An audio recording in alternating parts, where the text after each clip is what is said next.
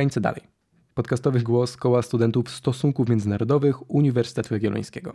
Ja nazywam się Wiktor Samek i mam dzisiaj przyjemność rozmawiać z panem doktorem Pawłem Ścigajem z Instytutu Nauk Politycznych i Stosunków Międzynarodowych Uniwersytetu Jagiellońskiego. Panie doktorze, w imieniu całej naszej redakcji oraz przede wszystkim wszystkich naszych słuchaczy oraz słuchaczek, bardzo dziękuję panu za zgodę na udział w naszym podcaście. Bardzo dziękuję również za zaproszenie i witam Państwa bardzo serdecznie i pozdrawiam równie gorąco, zwłaszcza w tym styczniowym pandemicznym okresie.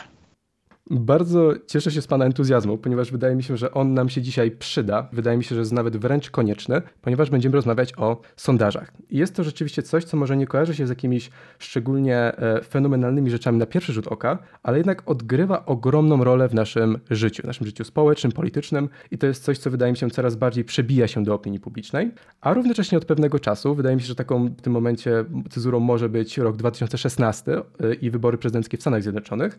Od dłuższego czasu cyklicznie pojawiają się jakieś oskarżenia wobec sondażowni, wobec samej idei sondaży, dotyczące tego, że przestały one w pewien sposób odczytywać to, co naprawdę dzieje się w społeczeństwie, że sondaże po prostu nas zawodzą. Więc wydaje mi się, że najbardziej sensowne będzie rozpoczęcie od tego, żeby trochę zawęzić ten problem. I chciałbym się Pana spytać, czy rzeczywiście uważa Pan, że mamy dzisiaj problem z sondażami? I jeśli tak, to jakiego rodzaju jest to problem? Jeżeli mamy problem z sondażami, to mamy problem z ich odczytywaniem. To jest moim zdaniem problem fundamentalny. Znaczy, problemem fundamentalnym nie jest nie wiem, niedoskonałość metod e, ich przeprowadzania albo nie, e, jakieś błędy warsztatowe, albo nawet na poziomie interpretacyjnym, jeżeli chodzi oczywiście o interpretacje dokonywane przez firmy, które się tym zajmują, to tutaj większych kłopotów ja nie widzę. Oczywiście, chyba że są to firmy, bo pamiętajmy o tym, to pewnie do tego wrócimy. Pamiętajmy o tym, że firmy nie są równe w tym względzie, że one mają też w różny sposób dobierają próby, w różny sposób wykonują badania przy różnych technik, E, e, prawda, kontaktują się z respondentami i to może rzutować oczywiście na wiarygodność tych wyników, które uzyskujemy, ale też jest sprawa taka, że niektóre z tych firm są poddawane e, takiej kontroli zewnętrznej przez różnego rodzaju towarzystwa, inne nie są, prawda? No i to wszystko oczywiście rzutuje na to, jak dalece dana firma jest wiarygodna czy nie. Natomiast wśród tych firm, które także na polskim rynku dominują od wielu lat i są obecne i które prowadzą badania według naprawdę starych receptur, mówiąc takim językiem kuchennym, e, prawda, no to, to rzeczywiście tutaj trudno jest mówić o jakichś błędach, które miały być wykonywane przez te firmy. To raczej problem leży po stronie oczekiwań, które my mamy wobec sondaży i oczekiwań, które związane są w związku z tym, co na ich podstawie można powiedzieć, jak dalece, myślę, można przewidywać rzeczywistość e, i oczekiwać tego, że to, co sondaż nam, e, dane badania sondażowe pokaże, to, to, że, to, że to się ziści. Więc odpowiadając krótko i węzłowato, czy mamy problem z sondażami? Nie, mamy problem z mówieniem o sondażach. Mamy problem z tym, w moim odczuciu, z tym, w jaki sposób one są interpretowane w dyskursie publicznym e, i z oczekiwaniami, które są wobec nich w związku z tym żywione. Z tym mamy problem podstawowy, moim zdaniem.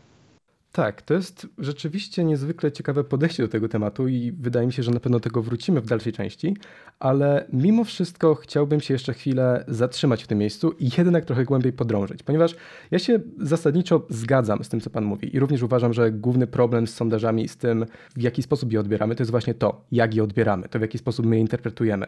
To, że my się trochę przyzwyczailiśmy do tego, że właśnie sondaże to jest coś bardzo medialnego, bardzo chwytliwego, na czym można opierać często dość niestworzone i mało racjonalne teorie, które tutaj sprawdzają się na polu publicystycznym, ale mimo wszystko, e, jeśli spojrzymy na ostatnie wyniki wyborów, właśnie wracam trochę do tych Stanów, ponieważ to się wydaje niezwykle interesujące, to jednak tam zaszły pewne istotne błędy, jeśli chodzi o, o to, w jaki sposób sondażownie wskazywały wyniki wyborów. Jeśli chodzi o 2016 rok, jeśli chodzi o 2020 rok, również.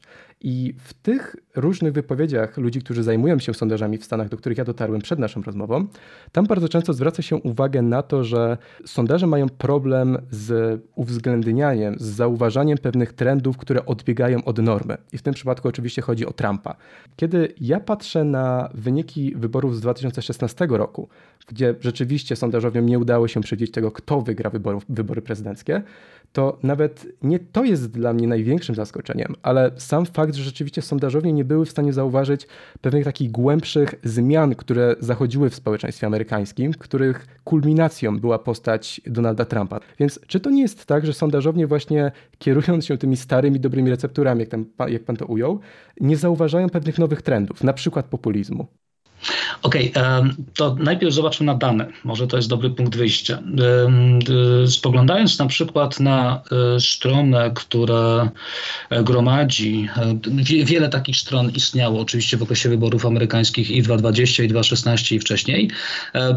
Przeglądając chociażby stronę Real Clear Politics, która gromadziła liczne dane sondażowe z różnych pomiarów, podobnie chociażby przeglądając inną stronę typu 538, no to okazuje się, że te sondaże nie myliły się za bardzo. No, nawet mam to przed oczyma, muszę Państwu powiedzieć w tej chwili, aż zryknąłem z ciekawości. E, Real Clear Politics jako średnią sondaży poparcie i poparcia dla poszczególnych kandydatów wtedy jeszcze, w przypadku Joe Bidena przewidywało wynik na poziomie 51,2 punktów procentowych, w sytuacji, gdy finalny rezultat uzyskany przez Bidena wynosił 51,4, czyli tutaj różnica jest absolutnie minimalna. W przypadku Trumpa jest inaczej, bo to było e, przewidywane poparcie na poziomie 44 punktów procentowych, efekt 46,9, czyli to poparcie było wyższe, ale zwrócić uwagę, mieści się to w dalszym ciągu w tym standardowym błędzie, który jest tutaj przypisany najczęściej badaniom sondażowym, to znaczy każdy, kto zajmuje się tą tematyką wie o tym doskonale, że jeżeli uzyskujemy wynik, no to to, co jest poniżej i powyżej 3 punktów procentowych, to powinno być brane jako ta przestrzeń, e, gdzie ten wynik faktycznie się znajduje, to znaczy, że poparcie dla partii politycznych, które wynosi np. 40 30% tak naprawdę oznacza, że e, faktycznie to poparcie oscyluje między 37 a 43 punkty procentowe. Więc oczywiście ten wynik był w przypadku Trumpa przestrzelony, ale to nie jest jakaś katastrofa, jeszcze mówiąc obrazowo. To nie jest jakiś spektakularny upadek, y, prawda, firm sondażowych. E, I rzeczywiście jest pytanie ważne, dlaczego tak się stało, że on był niedoszacowany. E, Paranoia, możemy przypomnieć sobie też dyskusję, która była toczona wokół sondaży w polskich wyborach prezydenckich 2020. E, I tam wypowiadali się także przedstawiciele firmy, która robiła wówczas, e, przygotowała wówczas late pool. Ten late pool był także w Polsce, w Polsce bardzo dokładny. Proszę zwrócić uwagę, że te wyniki końcowe, one naprawdę e, nie odbiegały zasadniczo od tego, co uzyskaliśmy na poziomie właśnie tych pierwszych, a potem drugich pomiarów sondażowych już po zamknięciu lokali wyborczych. Problem oczywiście polega na tym, i to jest chyba kłopot y, natury, powiedziałbym, takiej socjopsychologicznej, że nie wszyscy wyborcy, albo inaczej, w nie wszystkich grupach wyborców taki sam odsetek jest gotowy do tego, żeby albo nie udzielać odpowiedzi na pytanie, albo żeby udzielać odpowiedzi na pytanie niezgodnej z faktycznymi zachowaniami, które potem nastąpią. I tu jest kłopot fundamentalny, czy w jaki sposób szacować, bo te w cudzysłowie błędy, chociaż ja jestem głęboko przeciwny, żeby nazywać to błędami, ale te wahnięcia, one bardzo często biorą się po pierwsze z tego, że oczywiście gdy mamy, gdy dobieramy próbę y, reprezentatywną, to oczywiście sama ta próba jest w, w istocie wahnięcia, to znaczy wahnięta w tym sensie, że zawsze zawiera pewien, pewien margines, y, w którym nie odzwierciedla w 100% populacji i jej poglądów, to jest po pierwsze. E, I to jest pierwszy punkt wyjścia. A drugi punkt wyjścia, oczywiście, czy, czy druga rzecz, o której trzeba pamiętać, jest taka, że w takim przypadku e, mamy do czynienia jeszcze z e, pewną niechęcią niektórych e, respondentów do tego, żeby udzielać odpowiedzi w sposób szczery.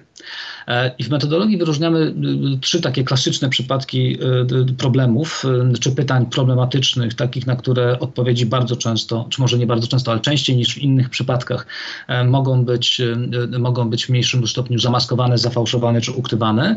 To jest polityka, to jest kwestia religii, to jest kwestia seksualności, prawda? To są te tematy, które budzą wśród nas, obywateli, często gorętsze emocje i które sprawiają, że nie zawsze i niechętnie e, odpowiadamy na nie. E, I tutaj jeszcze idąc dalej, w związku z tym wracając jeszcze do tego przykładu polskich wyborów. I tu pamiętam doskonale tą dyskusję, kiedy jeden z szef firmy, która przygotowywała te badania, mówił, że rzeczywiście tu jest największy kłopot, dlatego że większą tendencję do odmawiania odpowiedzi na pytania mają wyborcy Andrzeja Dudy. E, I trzeba w związku z tym wyraźnie przyjrzeć się, jaka jest charakterystyka społeczna tych wyborców, jakie są cechy socjodemograficzne, jaka jest charakterystyka e, także związana na przykład z kwestiami innymi, okołopolitycznymi, czy też, też ważnymi w sensie światopoglądowym, ale nie wprost politycznymi, na przykład kwestiami związanymi z religijnością, prawda, i tak dalej, i tak dalej. I te wszystkie rzeczy trzeba brać pod uwagę w oszacowywaniu tego, ile wśród osób, które mówią nie wezmę, albo wezmę udział w wyborach, ale nie wiem na kogo zagłosuję, albo nie powiem na kogo zagłosuję, prawda? Ile z tych osób należy dopisać do wyniku końcowego e, Andrzejowi Dudzie, a ile dopisać Rafałowi Trzaskowskiemu? I ten sam problem pojawia się w tym przypadku. Rzeczywiście jest tak, że wyborcy Donalda Trumpa prawdopodobnie w większym stopniu byli skłonni do tego, żeby albo nie deklarować swoich poglądów, albo te poglądy jakoś maskować. E, nie znam takich wyników, to jest moja spekulacja, żeby to było jasne, ale no, stawiam, y, a propos Stanów Zjednoczonych, to stawiam oczywiście dolary przeciw orzechom, że ostatecznie, y, gdybyśmy tutaj takie wyniki mieli, to pewnie okazałoby się, że to wyborcy Donalda Trumpa byli tą grupą, która okazywała ten większy, wyższy poziom nieufności wobec sondażowni. Co na to wpływa? Bardzo różne y, zjawiska. Y, są badania, które to pokazują. Y, takie przykłady niekiedy są to spektakularne. Są na przykład badania amerykańskie, które pokazują, że e, wrogi seksizm przewidywany przez teorię ambiwalentnego seksizmu Susan Fiske i Petera Glicka e, i był na przykład ważnym czynnikiem, który prawdopodobnie e, nie tyle odebrał Hillary Clinton głosy w 2016 roku, co dodał Trumpowi kilka, procent, kilka punktów procentowych głosów. I jeszcze jedna sprawa, przepraszam, bo za chwilę pewnie wrócimy do pytań, ale jeszcze jedna sprawa adwocem, jeżeli chodzi o kwestię amerykańską. E, proszę pamiętać, że w 2016 roku sondażownie przewidywały zwycięstwo Clinton na poziomie ogólnostanowym. I o ile pamięć mnie nie myli, nie pomyliły się w tym. Prawda? Hillary Clinton uzyskała większą liczbę głosów, to było chyba ponad 2 miliony głosów, aniżeli Donald Trump. Natomiast inna sprawa jest jeszcze taka, że musimy pamiętać o tej specyfice amerykańskiego systemu wyborczego. I wydaje mi się, że gdyby szukać tutaj szczegółowych rzeczy, to ja mam takie wrażenie, że Donald Trump y, wygrał wybory w 2016 roku nie ze względu na jakąś pomyłkę sondażowni w całym kraju, tylko na, na niedoszacowaniu wyborców Donalda Trumpa, konkretnie w stanach tak zwanego pasardzy, prawda? czyli tych stanach, które były bardzo często demokratyczne, tak zwyczajowo głosowane demokratów, ale akurat w tych wyborach wzięło górę, wziął górę, e, e, e, wziął górę to jakby głosowanie na republikanów na Donalda Trumpa, prawda? I to, więc to też jakby trzeba brać pod uwagę oczywiście tą specyfikę amerykańskiego systemu mm, wyborczego, że przypomnijmy sobie, że poprzedni, można nawet zaryzykować taką śmiałą tezę, chyba zupełnie zgodną, to nie jest śmiała teza, tylko to jest zgodne z prawdą, że e, wszyscy amerykańscy prezydenci republikańscy wybierani na pierwszą kadencję w XXI wieku byli wybierani mniejszością głosów ogólnostanowych. Prawda? Bo nie mówimy teraz o drugiej kadencji George'a W. Busha, tylko w pierwszej kadencji, pamiętacie Państwo, również sytuacja była taka, że o ile pamięć mnie nie myli, Al Gore uzyskał większą liczbę głosów prawda, niż George Bush na poziomie ogólnostanowym. Prawda? Więc każda pierwsza kadencja e, wybieranego w USA prezydenta republikańskiego XXI wieku kończyła się uzyskaniem mniejszą liczby głosów na poziomie ogólnostanowym. Tak na marginesie to jest też czynników, dla którego w USA już toczy się dyskusja nad y, redefinicją, nad skorygowaniem mapy wyborczej, także mówi się o, na przykład o dodaniu dwóch stanów, e, dlatego że są też badania i przeliczenia, które pokazują, że żeby prezydentem został kandydat czy kandydatka demokratów, no to musi po prostu wygrać wybory o te 3-4 miliony w skali kraju więcej. Tak? Znaczy, że system, który istnieje obecnie, faworyzuje republikańską partię i rozkład głosów elektorskich, tego, w jaki sposób są dobierani elektorzy i w jaki sposób to funkcjonuje. Ale tak na marginesie. Tak, to jest rzeczywiście bardzo ciekawe, ponieważ to pokazuje, przypadek Ameryki to pokazuje, że jest tutaj bardzo wiele pewnych zjawisk, które może wymykają się naszej uwadze, które przekładają się właśnie na wyniki albo na to, jak my je odbieramy. Teraz właśnie chciałbym trochę może odpuszczając na chwilę Stany Zjednoczone, jeśli jakoś będzie nam to po drodze, to jeszcze do nich oczywiście wrócimy. Chciałbym pana zapytać o jeszcze jedną dość istotną rzecz i zacznę może od pewnej anegdoty, pewnej historii, którą znalazłem, kiedy przygotowywałem się do naszej rozmowy. W 2013 roku został przeprowadzony w Polsce pewien sondaż, który właśnie zakładał, e, oczywiście nie wnikajmy w metodologię i tak dalej, chciałem pokazać pewne zjawisko, które wydaje mi się dobrze obrazuje ta sytuacja. W tym sondażu ankietowani byli pytani o parę kwestii. I te kwestie oczywiście były ułożone w dość konkretnym porządku. W pierwszym pytaniu pytano o wysokość podatków, które oczywiście jak zawsze najpewniej ankietowani oszacowywali jako zbyt wysokie. Po Potem pytano o sposób, w jaki działa Zakład Ubezpieczeń Społecznych. Również można się spodziewać, że opinie ankietowanych nie były zbyt wysokie. Potem pytano o opinię na temat duopolu PiS-PO i w ostatnim pytaniu ankietowani byli pytani o to, czy słyszeli kiedyś i czy wyrażają poparcie dla Stowarzyszenia Republikanie Przemysława Wiplera. Za tym pytaniem szła pewna wzmianka, krótka informacja, że to stowarzyszenie opowiada się za obniżeniem podatków, za reformą służby systemu emerytalnego itd., tak itd. Tak Wyniki tego sondażu były takie, że rzeczywiście swoje poparcie lub też przynajmniej jakieś afiliacje z tym stowarzyszeniem wykazało 19% badanych. To jest rzeczywiście wynik dość duży. To w ogóle pokazuje nam, że tam sposób ułożenia pytań i wiele innych kwestii, o które zaraz Pana zapytam, wpływają jasno na to, w jaki sposób my udzielamy odpowiedzi na konkretne pytania. I teraz my jesteśmy tego świadomi, badacze są tego świadomi. Można stwierdzić, że politycy również są tego zjawiska świadomi. I sondaże od zawsze w naszej świadomości funkcjonowały jako taki pewien pas transmisyjny, za pomocą którego właśnie politycy mogli się dowiadywać o tym, co dzieje się w społeczeństwie i dostosowywać do tego swoje działania. I zastanawiam się, na ile rzeczywiście my dalej funkcjonujemy w takim modelu, a na ile to za pośrednictwem sondaży dzisiaj właśnie politycy oraz media wpływają na opinię publiczną. Tak, znaczy bardzo wiele kwestii Pan poruszył. E, zacznijmy od końca w tej sytuacji, tak? I patrząc od końca to wygląda w taki sposób, że tak, oczywiście, znaczy firmy, które przeprowadzają badania sondażowe, to są firmy, które są na charakter komercyjny. A skoro tak, to wykonują badania zgodnie ze zleceniami. E, oczywiście wykonują je także zgodnie z poszczególnymi zaleceniami metodologicznymi. E, I przykład, który Pan podał, związany z e, tym ułożeniem tego sondażu i z pytaniami na koniec, to jest oczywiście przykład absolutnie w moim odczuciu skandalicznego nie do, niedotrzymania standardów, które powinny mieć miejsce. Dlaczego o tym powiem za chwilę? Przy czym mówię, nie widzę tego, opieram się na, na tym, o czym Pan mówi, prawda?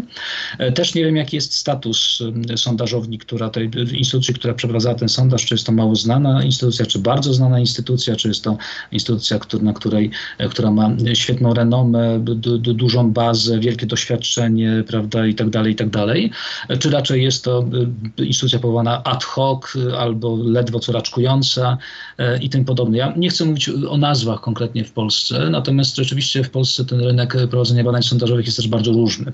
Mamy kilka, trzy, może cztery, może pięć takich rzeczywiście, których e, sondaże są bardzo jakby godne zaufania chociaż i też one się bardzo różnią, ale to zależy na przykład od sposobu prowadzenia badań dobru próby. Tak? No w klasycznym przypadku, myślę, tutaj mogę o tym mówić wprost, są badania, które prowadzone są przez CEBOS i dotyczą e, zaufania do polityków i zaufania i poparcia dla partii politycznych. E, CEBOS prowadzi w taki sposób badanie, w taki sposób dobiera próbę i w taki sposób przeprowadza te badania. Te badania były przez wiele, wiele lat prowadzone, chyba w dalszym ciągu są, chociaż nie chcę tutaj nic skłamać oczywiście, e, metodą face to face, prawda? I mm, to są przypadki, gdy mamy wywiad, który jest twarzą w twarz, e, no to zawsze efektem badania Cebosu były nadreprezentacja na przykład poparcia dla partii politycznych, które miały charakter rządzący. E, I teraz wszystkich tych, którzy na przykład zdumiewają się wynikami Prawa i Sprawiedliwości na poziomie 50 punktów procentowych, 48, 49 w Cebosie, przypominam, żebyśmy zerknęli sobie do badań poparcia dla Platformy Obywatelskiej chyba z 2011 roku, zaraz po wyborach, albo na początku roku 2012. Nie chcę Państwa skłamać, bo mówię z głowy, czyli z niczego. E, a mianowicie, o ile dobrze pamiętam, tam ten efekt taki, taki rekordowy to było chyba poparcie na poziomie 56% dla Platformy Obywatelskiej. 56%. Czyli ta nadwyżka na prezentacji była zawsze bardzo istotna. Tutaj też, też jest obecna. Ale to jest na marginesie. To jest jakby kwestia właśnie tego, w jaki sposób to jest przygotowywane, w jaki sposób jest to przeprowadzane. E, czy rzeczywiście sondaże są w związku z tym wykorzystywane do tego, żeby kreować rzeczywistość społeczną w taki oto sposób, że e, pokazujemy na przykład, y, przekonujemy, że inni ludzie myślą w taki sposób, jest to element perswazji, prawda, budowania takiego wyobrażenia. Tak, oczywiście, y, y, ja nie widzę tutaj żadnego, żadnych wątpliwości, żeby tak było, natomiast nad tym powinny czuwać same firmy oraz organizacje, które na poziomie etycznym powinny rozstrzygać takie kwestie i nie dopuszczać do tego rodzaju praktyk, żeby badania sondażowe były wykorzystywane w nieuczciwych praktykach. To, to jest jakby pierwsza rzecz. Jeżeli chodzi o to, to, badanie, które Pan powiedział, to jest rzeczywiście bardzo ciekawy problem, który odwołuje się do zagadnienia w ogóle kwestii, do, do, do zagadnienia błędów, które można popełnić przy budowaniu e, takich badań. No, warto pamiętać przede wszystkim, że tak na poziomie technicznym w badaniach sondażowych, które są badaniami opinii wielkich populacji czy dużych grup, e, najczęściej stosuje się dwa podstawowe techniki kwestionariuszowe. Jedną z nich jest kwestionariusz ankiety, z drugiej z nich są różne kwestionariusze wywiadu.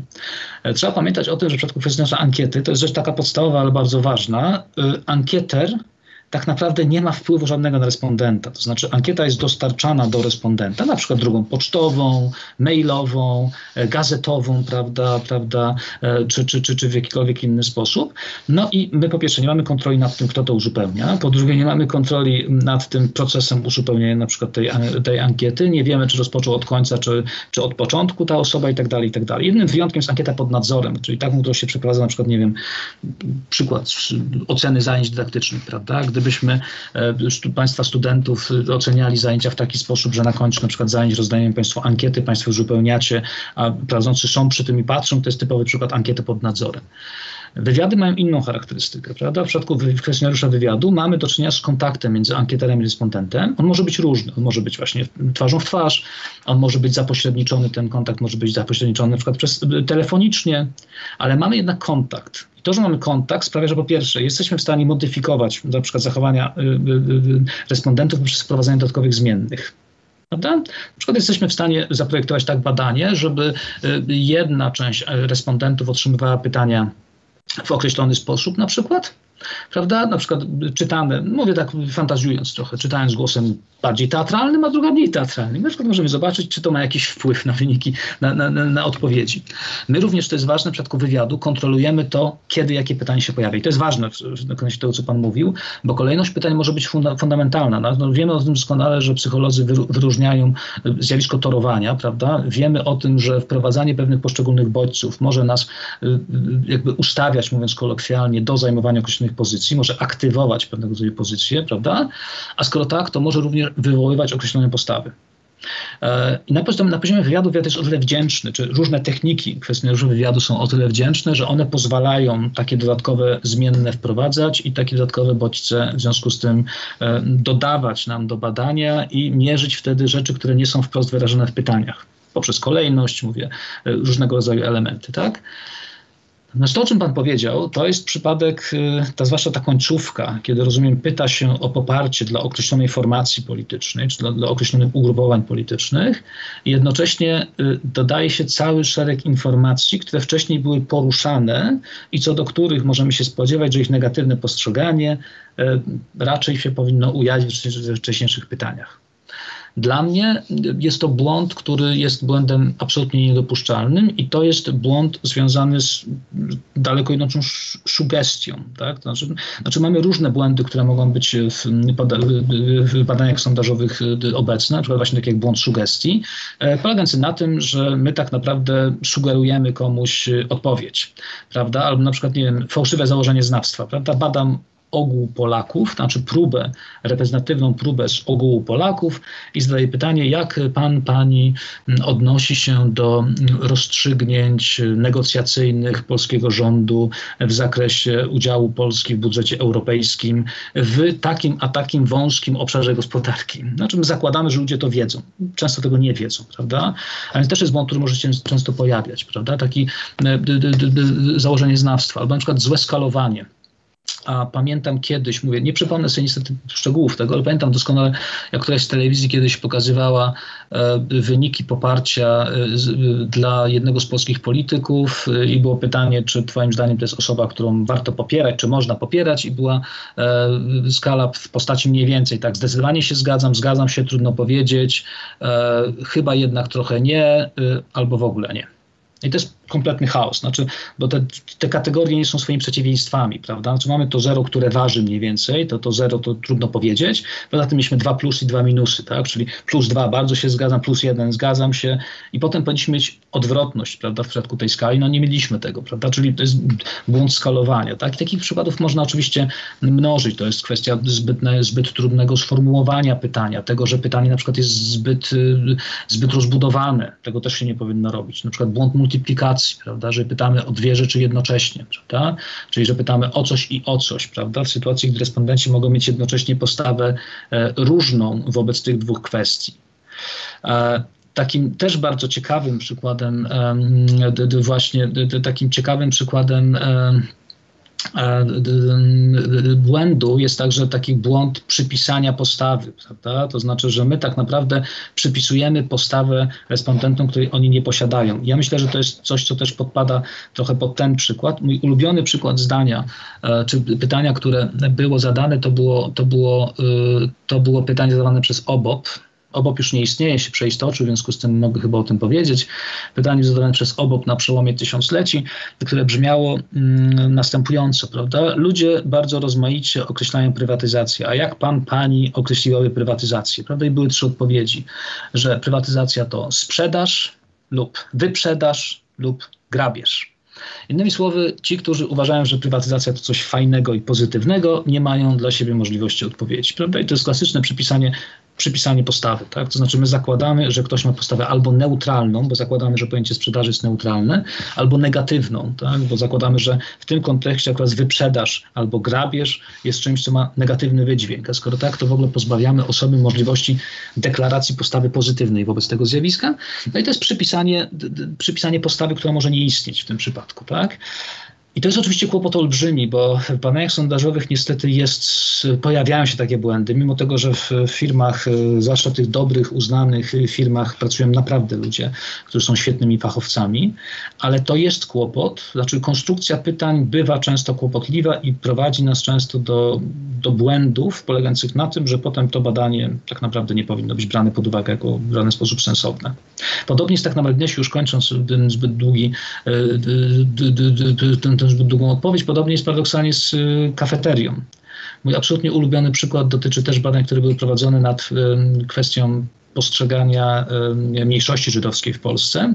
I badacze zadawali pytanie, ilu w Polsce jest Żydów?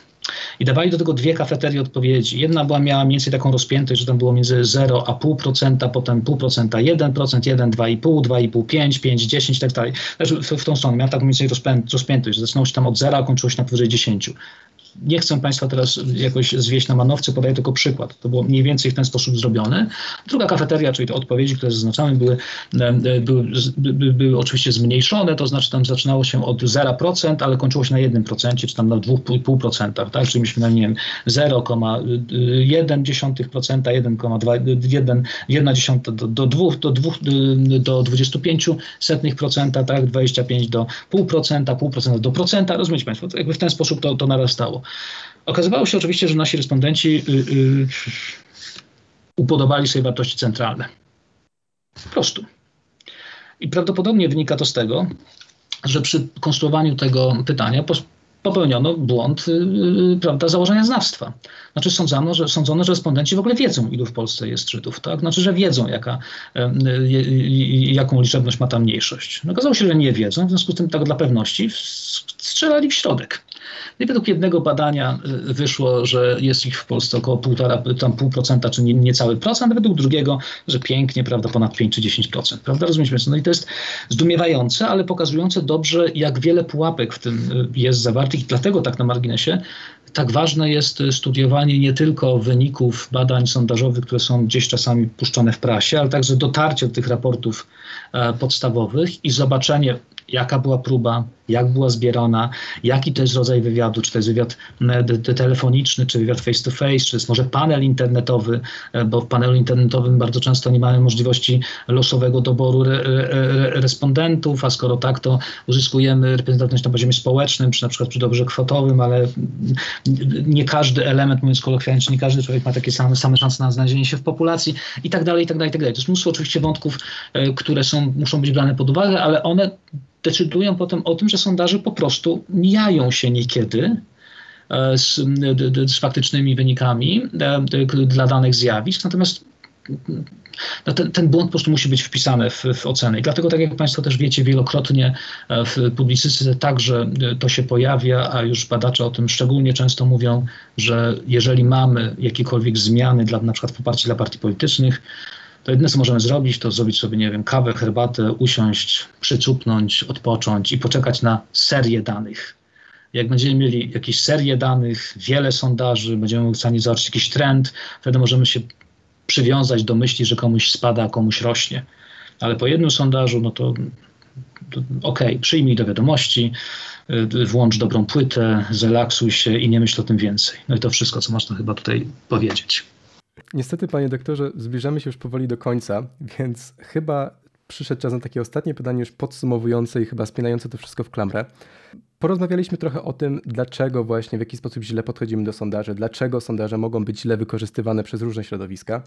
I teraz no, muszę niestety pokusić się o ostatnie pytanie, które jest dość trudne i złożone, ale mimo wszystko chciałbym Pana zapytać, jakie drogi przed nami stoją? To znaczy, czy my jesteśmy w ogóle w stanie coś z tym zrobić? Sondaże są niezwykle istotne dla naszego życia społecznego, a jednocześnie widzimy, że to się w zasadzie rozbija o dwóch stronach o człowieka. Czyli po pierwsze o to, czy rzeczywiście sama osoba, której zadajemy pytania, będzie z nami szczera, a po drugiej stronie mamy odbiorcę tego sondażu, którą również jest pewna osoba, która może źle zinterpretować jeden sondaż wyrwany z kontekstu, przedstawiany w sposób atrakcyjny medialnie, czy też w sposób, który zapewnia jakieś korzyści polityczne. Czy my jesteśmy w stanie cokolwiek z tym zrobić, czy my po prostu jesteśmy skazani na to, żeby zdawać tutaj na swój instynkt? Moim zdaniem jesteśmy w stanie coś, coś zrobić, ale nie będę pewnie e, w żaden sposób e, nowatorski, jeżeli powiem, że odpowiedź e, tkwi w trzech słowach, tak? to znaczy etyka, edukacja i zaufanie. To jest chyba jedyne, co możemy zrobić, to znaczy dbać o to, żeby, żeby rzeczywiście pilnować tego, tak, tworzyć system pewnego rodzaju, tak, różnego rodzaju mechanizmy dbałości firm sondażowych o to, aby ich badania były nie tylko sprawne i poprawne pod kątem metodologicznym, tak, ale żeby również istniał jakiś poziom etyczny, który jest związany z tym, prawda, czyli na przykład, żeby pewnych zleceń być może nie przyjmować, a nawet jeżeli się przyjmie zlecenia, bo dlaczego zleceń nie przyjmować, to jednak nie rezygnować ze standardów metodologicznych, technologicznych, tylko dlatego, że konsument, czy że, przepraszam, zleceniodawca tak chce. Prawda? Ja zakładam, że największe firmy, najbardziej uznane, dokładnie tak postępują i tak procedują. Prawda?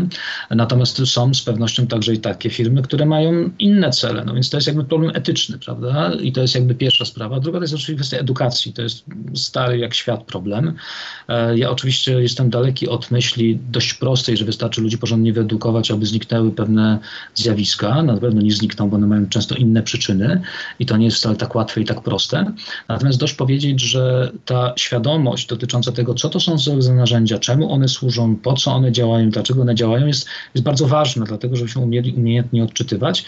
I ja myślę, że nie wiem, czy możemy być jakoś bardzo dobrej myśli, ale bądźmy już wszystko optymistami. Tak?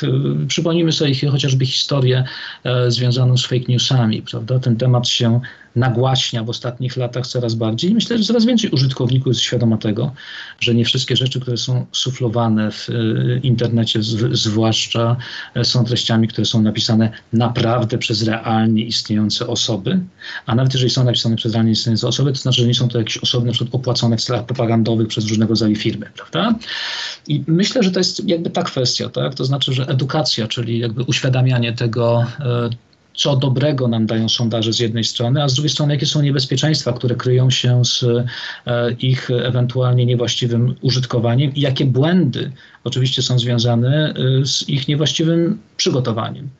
No i rzecz najważniejsza chyba, której nam e, niestety doskwiera na poziomie społecznym bardzo mocno, w Polsce także, może także u nas w kraju przede wszystkim, ponieważ my ten poziom uogólnionego zaufania mamy bardzo niski i generalnie my Polacy Nieszczególnie zgadzamy się z twierdzeniami, że innym ludziom, nie rodzinie, ale tak po prostu innym ludziom obcym można ufać. Niekoniecznie się z tym zgadzamy, to raczej mamy bardzo niskie wyniki. No to, to jest jakby też problem polegający, fundamentalny, tak? To znaczy problem związany z wzajemnym zaufaniem, a tutaj akurat chodzi mi dokładnie, żeby być precyzyjnym, o zaufanie, o które jest w tej chwili bardzo trudne, to znaczy o zaufanie między y, społeczeństwem i jego elitami tak, związane z tym, że jedni i drudzy życzą sobie dobrze i jedni i drudzy chcieliby, aby to wszystko działało w najlepszym stopniu, nikt nikogo nie chce wykorzystać, zdominować i tak być może mówię o rzeczach oczywistych i trywialnych, ale moim zdaniem to jest bardzo duży problem, tak, prawda? On był diagnozowany w latach 80. przez Christophera Lasha w takiej słynnej książce Culture of Narcissism, prawda, gdzie on pokazywał ten, to rozejście elit ze społeczeństwem. Tu są właśnie te przestrzenie, o których pan wspomniał, prawda, wejście populizmu, rzeczy, które doskonale znamy.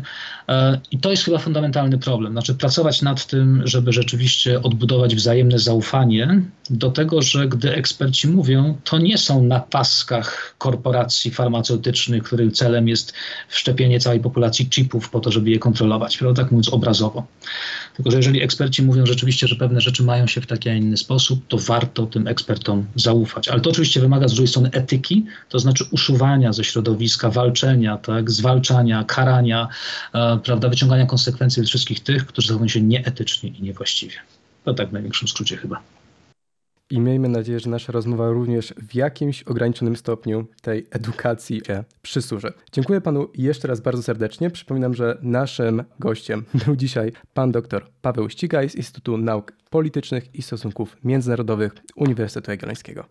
Pięknie Państwu dziękuję, wszystkiego dobrego i zważywszy, że pewnie słuchać nas będą Państwo studenci, to powodzenia na sesji.